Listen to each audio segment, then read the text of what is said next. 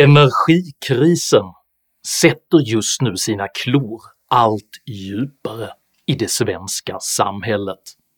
Hur illa kan det här egentligen bli för Sverige?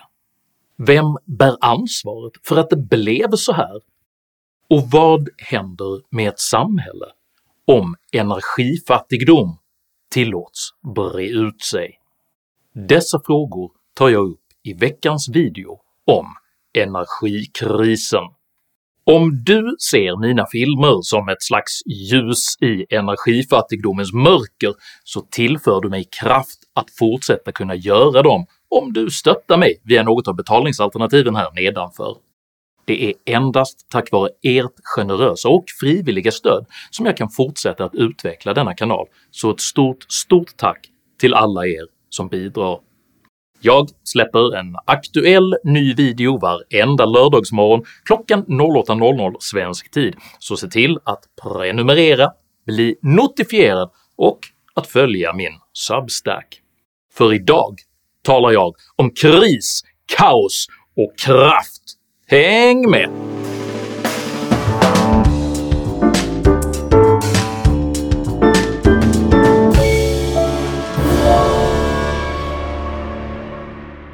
Vintern kommer är det ödesmättade förebådande som genomsyrar det episka fantasydramat Game of Thrones. Köld och mörker är båda tidlösa symboler för lidande, kris och död, vilket för de som under generationer har levt i värme, ljus och välstånd ofta avfärdas som olyckskorpars förlegade hjärnspöken. Det är talande att berättelsens egenmäktiga drottning inte ens efter att direkt ha konfronterats med vinterns fasor väljer att agera för att förhindra katastrofen, utan istället betraktar den som ett utmärkt tillfälle att förgöra sina politiska motståndare. Denna apokalyptiska strategi speglas just nu i den svenska energikrisens förnekelse, opportunism och maktspel. I och med socialdemokraternas regeringstillträde år 2014 gjordes den svenska kärnkraften till ett bondeoffer för att vinna miljöpartiets stöd. Återkommande hånades sedan kärnkraften som omodern, dyr och direkt onödig. Och självklart ska vi snabba på elektrifieringen. Men inte med ny kärnkraft. Den är för dyr. Någon som är sugen på högre elpriser? 2019 introducerade regeringen även en ny kraftvärmeskatt med den uttalade ambitionen att bidra till den omställning som pågår i svenska kraftvärmeverk från fossila bränslen som kol, olja och gas till biobränslen. Denna skatt kritiserades mycket, mycket hårt och ledde till en serie hastiga nedstängningar av lokal sydsvensk energiproduktion. Elbolaget E.ON kommer att stänga ner elproduktionen i Heleneholms kraftvärmeverk i Malmö i sommar. Ja, bolaget menar att de höjda skatterna på icke förnybar elproduktion gör det för dyrt att fortsätta efter den 1 augusti då skatterna börjar gälla. Enligt E.ONs presschef Ivan Loftup Eriksson så ökar nu risken för elbrist i södra Skåne. Det här bortfallet av elproduktion minskar eltillgången i en rad sydskånska kommuner. Vår plan var att eh, ha ställt om verket till förnybar energi 2025. Den planen har vi haft en tid och det känner regeringen till. Och vi är i grunden positiva till skatt eh, på koldioxid. Det är hastigheten och det här plötsliga som eh, gör att vi inte kan hantera det. Hur ansvarsfullt är det då mot era elkunder att stänga ner den här elproduktionen med så kort varsel om det innebär att det blir en brist på el i Skåne? Så kan man eh, tycka, men vi, vi, menar ju att vi är tvungna att göra det som en konsekvens av regeringens beslut helt enkelt. Samtidigt beskrev Energikommissionens rapport “Kraftsamling för framtidens energi” kraftvärmens betydelse för energisystemet med följande ord Eftersom fjärrvärmen ofta ersätter elbaserad uppvärmning kan den också lindra ansträngda effektsituationer och minska topplasten i elsystemet. Dessutom kan kraftvärmen bidra med flera för elsystemet kritiska systemtjänster såsom spänningshållning och reglerkraft. Fjärrvärmenäten utgör därtill ett potentiellt energilager där överskottsel kan lagras i form av värme. Regeringens nya kraftvärmeskatt beräknas ha lett till ett sydsvenskt energiproduktionsbortfall på mellan 400 och 500 MW och hyllades av den miljöpartistiske riksdagsledamoten Lorentz Tovatt som en omställningssuccé. Fossilt byts mot bio tidigare än planerat, och det är ju tack vare skatten. Succé, om du frågar mig. Succén ifrågasattes dock av lokalt ansvariga energiproducenter. I Göteborg sker det än så länge på bekostnad av elproduktionen, så ingen succé här, än i alla fall. Dessa framtvingade nedstängningar av både kärnkraft och kraftvärme genomfördes trots återkommande varningar från experter och offrade Sveriges planerbara energimarginaler under föreställningen att den internationella elmarknadens stabilitet var permanent. Kort sagt, man anpassade Sveriges energisystem till förhoppningen om evigt idealiska förutsättningar. Redan nu finns det en elbrist i södra Sverige då bland annat elledningarna från norr till söder inte räcker till. Energimarknadsinspektionen varnar också för elbrist kommande åren i bland annat Stockholms och Malmöområdet som kan stoppa nyetableringar. Men energiminister Anders Ygeman är inte orolig. Nej, för jag tror att vi kommer att kunna öka transmissionen och vi kommer att öka den lokala kraftproduktionen.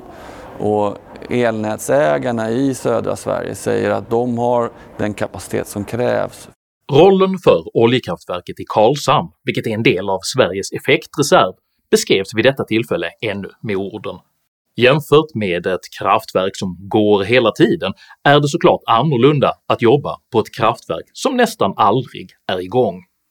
Redan nästa år bränner dock Karlshamnsverket plötsligt 3600 ton olja mitt i sommaren.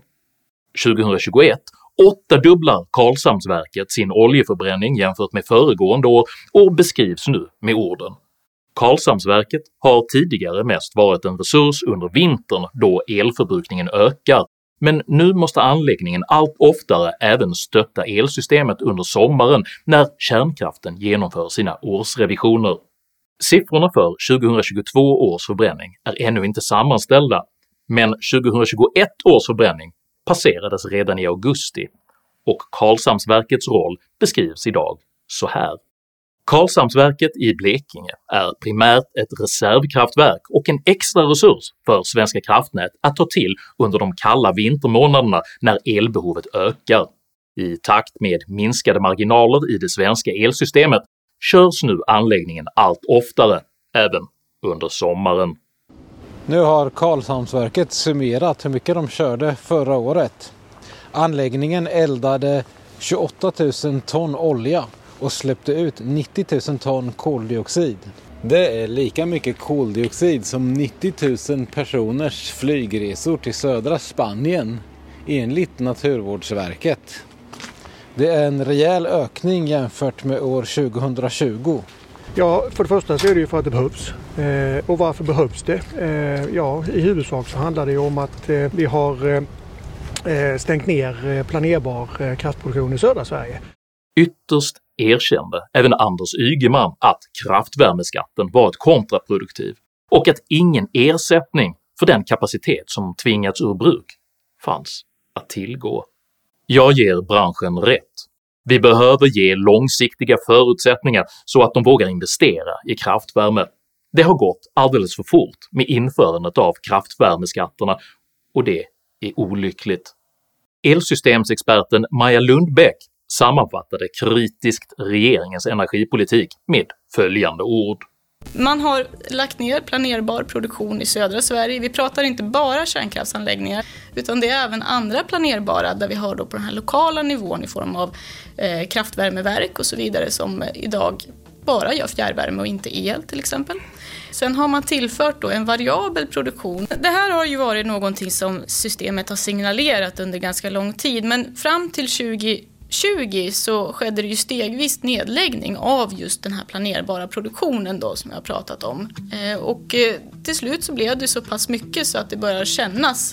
Regeringens ideologiskt motiverade nedläggningar av energiproduktion har alltså nu nått en kritisk nivå där elsystemet permanent ligger på gränsen till vad det klarar av, med effektbrist, oplanerbarhet och skenande priser som konsekvens. Regeringen har därför under valrörelsen konsekvent lagt hela ansvaret för Sveriges allt mer kaotiska situation på Vladimir Putins krig i Ukraina våra befolkningar kommer att påverkas av det här kriget med Putinpriser på el, Putinpriser på bensin och diesel, det blir Putinpriser på mat. Det finns en enda skillnad och det heter Putin. Detta är dock som bäst en halvsanning, för utan regeringens storskaliga nedstängningar hade Sveriges exponering för kontinentens energimarknad minskat och priserna varit 30-50% lägre. I takt med att temperaturen faller och vinden mojnar blir nu istället den självförvållade energikrisen allt mer akut.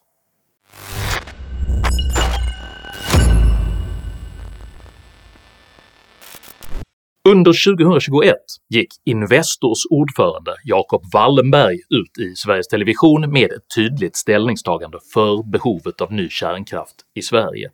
Ser du, vilket en del gör, ett behov av att också bygga ny kärnkraft i framtiden? Jag tycker att det är en möjlighet som man måste titta på. Eh, jag tycker det är olyckligt eh, att vi eh, på politisk nivå helt frånhänder oss den möjligheten. Och varför? För det är ju en diskussion. Varför anser du att kärnkraften är viktig då? Därför att du behöver stabil el.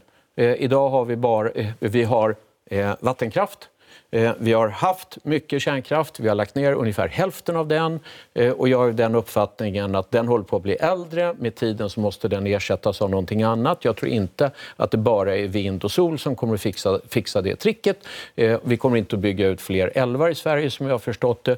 Då är det alternativ som står till buds det är modern, fjärde generationens kärnkraft, vilket är någonting helt annat än det vi har idag.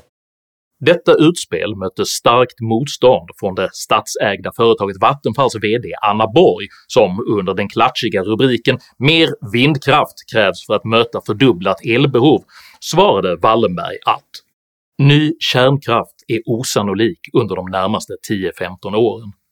Det tar lång tid att få ett nytt storskaligt kärnkraftverk på plats, dessutom är dagens tillgängliga teknik dyrare att bygga än alternativen. Fram till mitten av 2030-talet är det därför framför allt vindkraft som kommer att möta de ökade elbehoven. Denna hållning speglade regeringens dåvarande önskan att framhålla vindkraft som energikrisens lösning. Billigt! Snabbast. Klimatsmart teknik. Under valrörelsens slutfas svänger dock regeringen plötsligt 180 grader i frågan i ett försök att fånga upp den allt mer kärnkraftsvänliga väljarmajoriteten. Vi behöver all kraft och vi behöver även kärnkraft. Kärnkraften kan vara hållbar under vissa lägen. Även Anna Borg, som uttrycker en inte obetydlig politisk följsamhet, ändrar nu hållning i kärnkraftsfrågan. Kommer ni bygga ny kärnkraft? Jag tror och hoppas att vi kommer kunna få förutsättningar på plats för att kunna göra det. Och det kommer finnas goda möjligheter tror jag att vi kommer se att det kommer gå att bygga ny kärnkraft på konkurrenskraftiga villkor och kostnadsnivåer. Även påpekandet att Vattenfall så sent som 2015 fattade beslut om att stänga ner fyra fullt fungerande kärnkraftsreaktorer bemöts nu med det ärliga svaret att Sveriges elpriser hade varit lägre om de inte hade tagits ur drift. För ni på Vattenfall, ni, ni la ju ner två kärnkraftsreaktorer för ett par år sedan, då, Ringhals 1 och 2. Mm. Eh, det menar du har haft hur stor betydelse för elpriserna? Det går som sagt var inte att säga exakt vilken påverkan just det hade haft. Säga däremot, däremot så är det helt självklart att hade vi haft mer elproduktion i södra Sverige nu så hade vi också haft lägre priser. Och det beror ju på som du säger att Ringhals 1 och 2 har stängt men också Oskarshamn 1 och 2 har stängt. Så att vi har ju fyra kärnkraftsreaktorer som har stängt i södra Sverige. Så priserna hade varit lägre om de hade varit igång. Borg erkänner även att regeringens specifikt riktade effektskatt var avgörande för nedläggningsbesluten. Eller en av de största bidragande faktorerna till det här beslutet var ju också den effektskatt som fanns på kärnkraften och som gjorde att den inte var lönsam och inte heller behandlades riktigt på samma sätt som andra kraftslag. Man konstaterar nu även krasst att vindkraftens oplanerbarhet påverkar det svenska elpriset. Och det beror ju på flera saker. Eh, det beror på hur mycket elproduktion som är uppe och storm. Och det kan till exempel handla om hur mycket blåser det, så hur mycket vindkraft produceras det. Och om vi börjar med Sverige så beror det på att eh, i år så har vi haft ett år där det har blåst ganska lite, så det har varit ganska lite vindkraftsproduktion.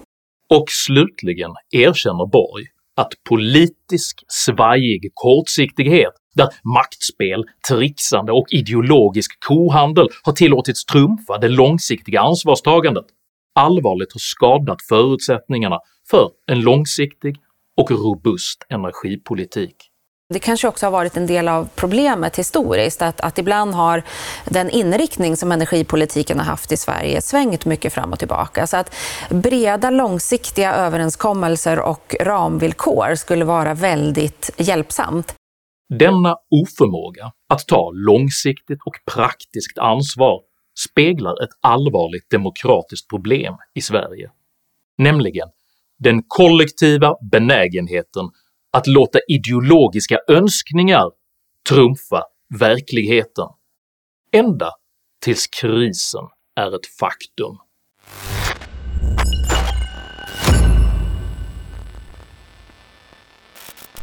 Efter regeringens kärnkraftsnedläggningar är Sverige beroende av importerad el under ungefär 36 timmar per vinter men eftersom Sverige nu saknar marginaler och Ringhals reaktor 4 just nu genomgår oplanerade reparationer riskerar Sveriges importberoende just denna vinter att öka till hela 149 timmar. Detta är allvarligt eftersom Ukraina-kriget sannolikt gör det omöjligt att importera el i samma utsträckning som under tidigare vintrar. På grund av detta bedömer nu Svenska kraftnät det finnas reell risk för tvingad bortkoppling av elanvändare under vintern. Det är lätt att trivialisera betydelsen av ett par timmars nedsläckning, men tidningen Aftonbladets storögda insikt att även mobilnätet drivs av el är en generande påminnelse om hur oförberett Sverige är på en verklig nedsläcknings konsekvenser. För det är inte bara mobiltelefoner som kommer att sluta fungera vid en nedsläckning. Även majoriteten av alla vattenpumpar försörjs numera med el, vilket innebär att det vid en nedsläckning inte längre går att spola i toaletten eller att få vatten ur kranarna.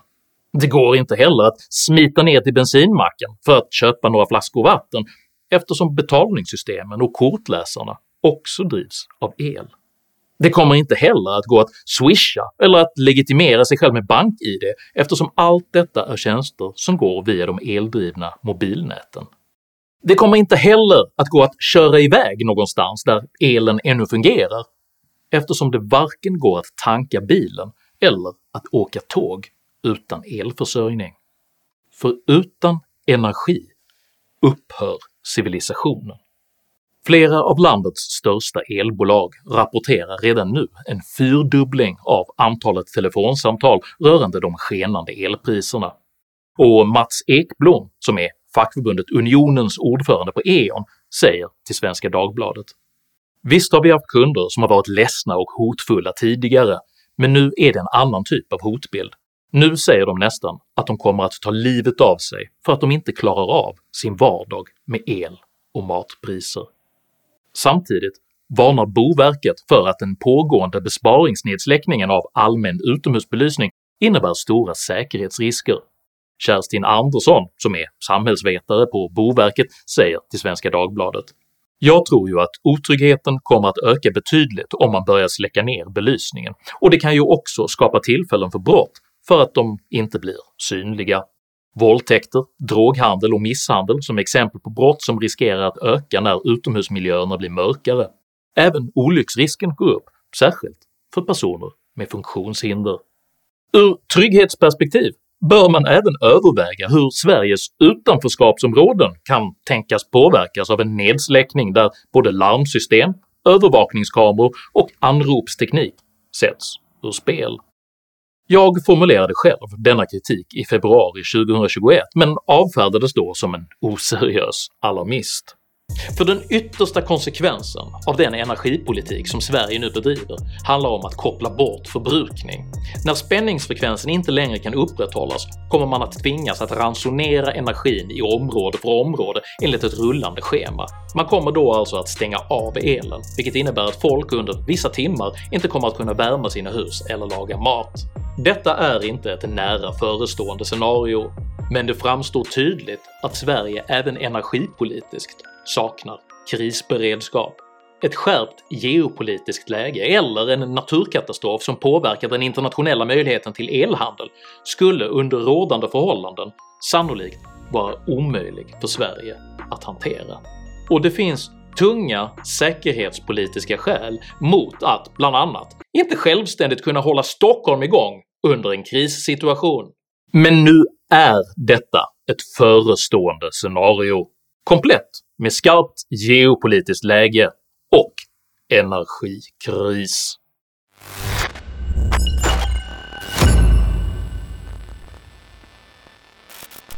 Hur har då den ännu sittande vänsterregeringen hanterat denna kritiska situation? Har man med god framförhållning kommunicerat krisläget till berörda samhällssektorer för att kunna hjälpa hushåll och företag att överleva krisen? Nej, man låtsades in i det sista att Sverige inte alls stod inför någon effektbrist. Har man i god tid förberett en återstart av lokal planerbar energiproduktion? Nej, man har låtit den erkänt kontraproduktiva kraftvärmeskatten ligga kvar. Har den samlade vänstern tagit ansvar för att avvecklingsbesluten var ett misstag och inlett ett brett och pragmatiskt korrigeringsarbete? Nej, man skyller redan ifrån sig på den opposition som inte ens har tillträtt ännu. I Kristerssons Sverige står kärnkraften stilla och elen kan behöva stängas av. Detta twittrar alltså Aftonbladets politiske chefredaktör fem dagar efter valet. På samma linje utbrister en påtagligt bitter Annie Lööf “Öka takten Kristersson, elräkningarna stiger. Är du verkligen redo att ta ansvaret?” Vänsterns utspel i denna fråga kan liknas vid en bakfull tonåring som efter att ha spytt i sängen klagar på att föräldrarna inte byter lakan snabbt nog. Det är faktiskt slutlekt nu, och det var denna fråga som kostade vänstern valet. Den energikris som socialdemokrater, miljöpartister och centerpartister skapat genom vårdslöshet, okunskap och makthunger kommer att drabba hela det svenska samhället under många, många år framöver. Vad som nu krävs är stabilitet, långsiktighet och pragmatism, inte mer reaktiv ryckighet och förflugna känslobeslut. När det känns tungt och svårt så kan man också samlas i sitt motstånd och i kraften i kampen. Och eh, för mig i alla fall så är det alltid en tröst att få göra någonting. På kort sikt kommer Sverige dessvärre nu att tvingas både subventionera hushållens elkonsumtion och starta upp mer lokal fossilförbränning, och detta är den verkliga konsekvensen av vänsterns ogenomtänkta omställningsidealism. De länder som har gått den här vägen de har hamnat i att man antingen blåser dammet av gamla kolkraftverk eller bygger nya gasanläggningar. Så den här strävan efter fossilfrihet leder till att man bygger fossilkraft så småningom när man gått hela resan igenom. Men den verkliga korrigeringen står att finna i en klok och långsiktig återuppbyggnad av stabil, modern svensk kärnkraft. Om vi får de här förutsättningarna som behövs för att bygga ny kärnkraft, och jag hoppas på det, då skulle de kunna vara på plats tidigast någon gång i början av 2030-talet. Ja, om vi inte bygger mer elproduktion och mer elnät i Sverige och i Europa, då kommer det fortsatt att vara ett gap mellan utbud och efterfrågan. Och då, ut, utbud och efterfrågan. Och då kommer priserna fortsatt att vara höga. Jag uppmanar därför alla som uppskattar tillgången på billig energi att stötta detta initiativ och att kräva förkortade tillståndsprövningsprocesser för kärnkraft i en tid präglad av självförvållad kris. För även sagans opportuna krisförnekelse slutade ytterst med att hela riket störtades ner i eld och kaos.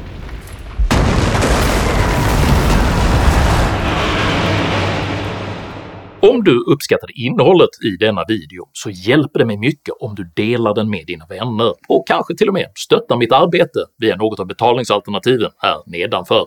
Dela gärna med dig av dina egna åsikter och erfarenheter i kommentarsfältet här nedanför, men jag ber dig att alltid vara artig. Jag accepterar inte aggression, personpåhopp eller rasism i mina idédrivna kommentarsfält. Tack för att du som kommenterar respekterar detta. Jag heter Henrik Jönsson och jag förespråkar långsiktig och klok planerbarhet före en oplanerbar och kontraproduktiv omställning. Tack för mig och tack för att du har lyssnat.